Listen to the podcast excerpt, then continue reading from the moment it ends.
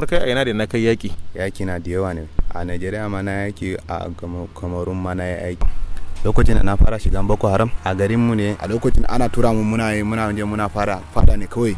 Ba wani abun da mun sa gaba kawai da mu ma mun ga abun ba kyau kawai da muka bari muka fita. Ta me ba ku karin gwiwan ku fito? Eh karin gwiwan da abin da sa mu fito wannan ba gaskiya ba ne zahiri kowa riga nuna.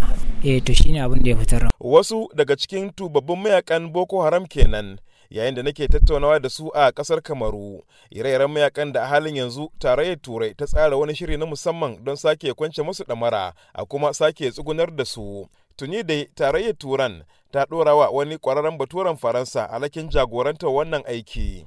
Ganin har yanzu mayaƙan na boko haram da suka karkasu gida-gida na ci gaba da ta da kayar baya a ƙasashen yankin tafkin chadin.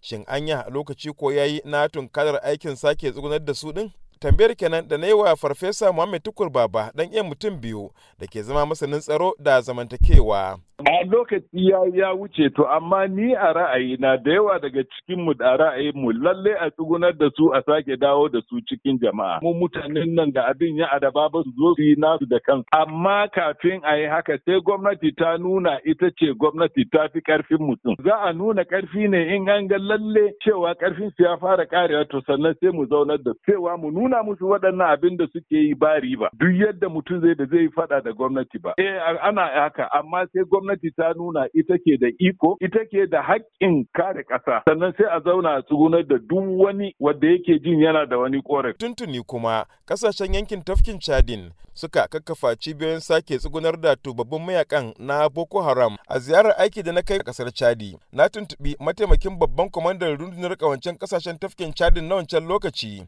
Brigadier General Abdo Usman ko me zai ce akan haka? Ba za mu ce ba yau ila duka an gama da su amma an karye musu karfinsu da an ka karye musu karhi mi za mu ce ma kaman yan uwanmu masu kamun kihi wajen baga ko wajen gingimi ko wajen dabuwa na Cameroon koko e dabuwa can Chad koko nan haka e wajen fishi dam duka sa a ce musu insha Allah bisa kan wanda mun ka gani ba wani karhi gare su ba amma da yan kingi kaɗan. Shugabannin ƙasashen yankin tafkin Chadin dai na ci gaba da nuna gamsuwa ganin yadda dakarun ƙasashen yankin ke ci gaba da fatattakar mayaƙan na Boko Haram har ma sun aike da sakonnin musamman ga rundunar dakarun kawancan kuma babban sakataren hukumar raya tafkin Chadin ambasada Nuhu Mamman ya mun karin bayani. Shugabanninmu sun ji labari kin da ake yayi kyau suka ce in zo in gansu in faɗa masu cewa a ƙara ba su ƙarfin gwiwa a nuna musu cewa lallai an gamsu da wannan aikin da suke yi kuma duk wani abun da ya kamata a yi a taimaka a ci gaba da samun nasarar wannan aiki za a yi. Yanzu dai abin jira gani shine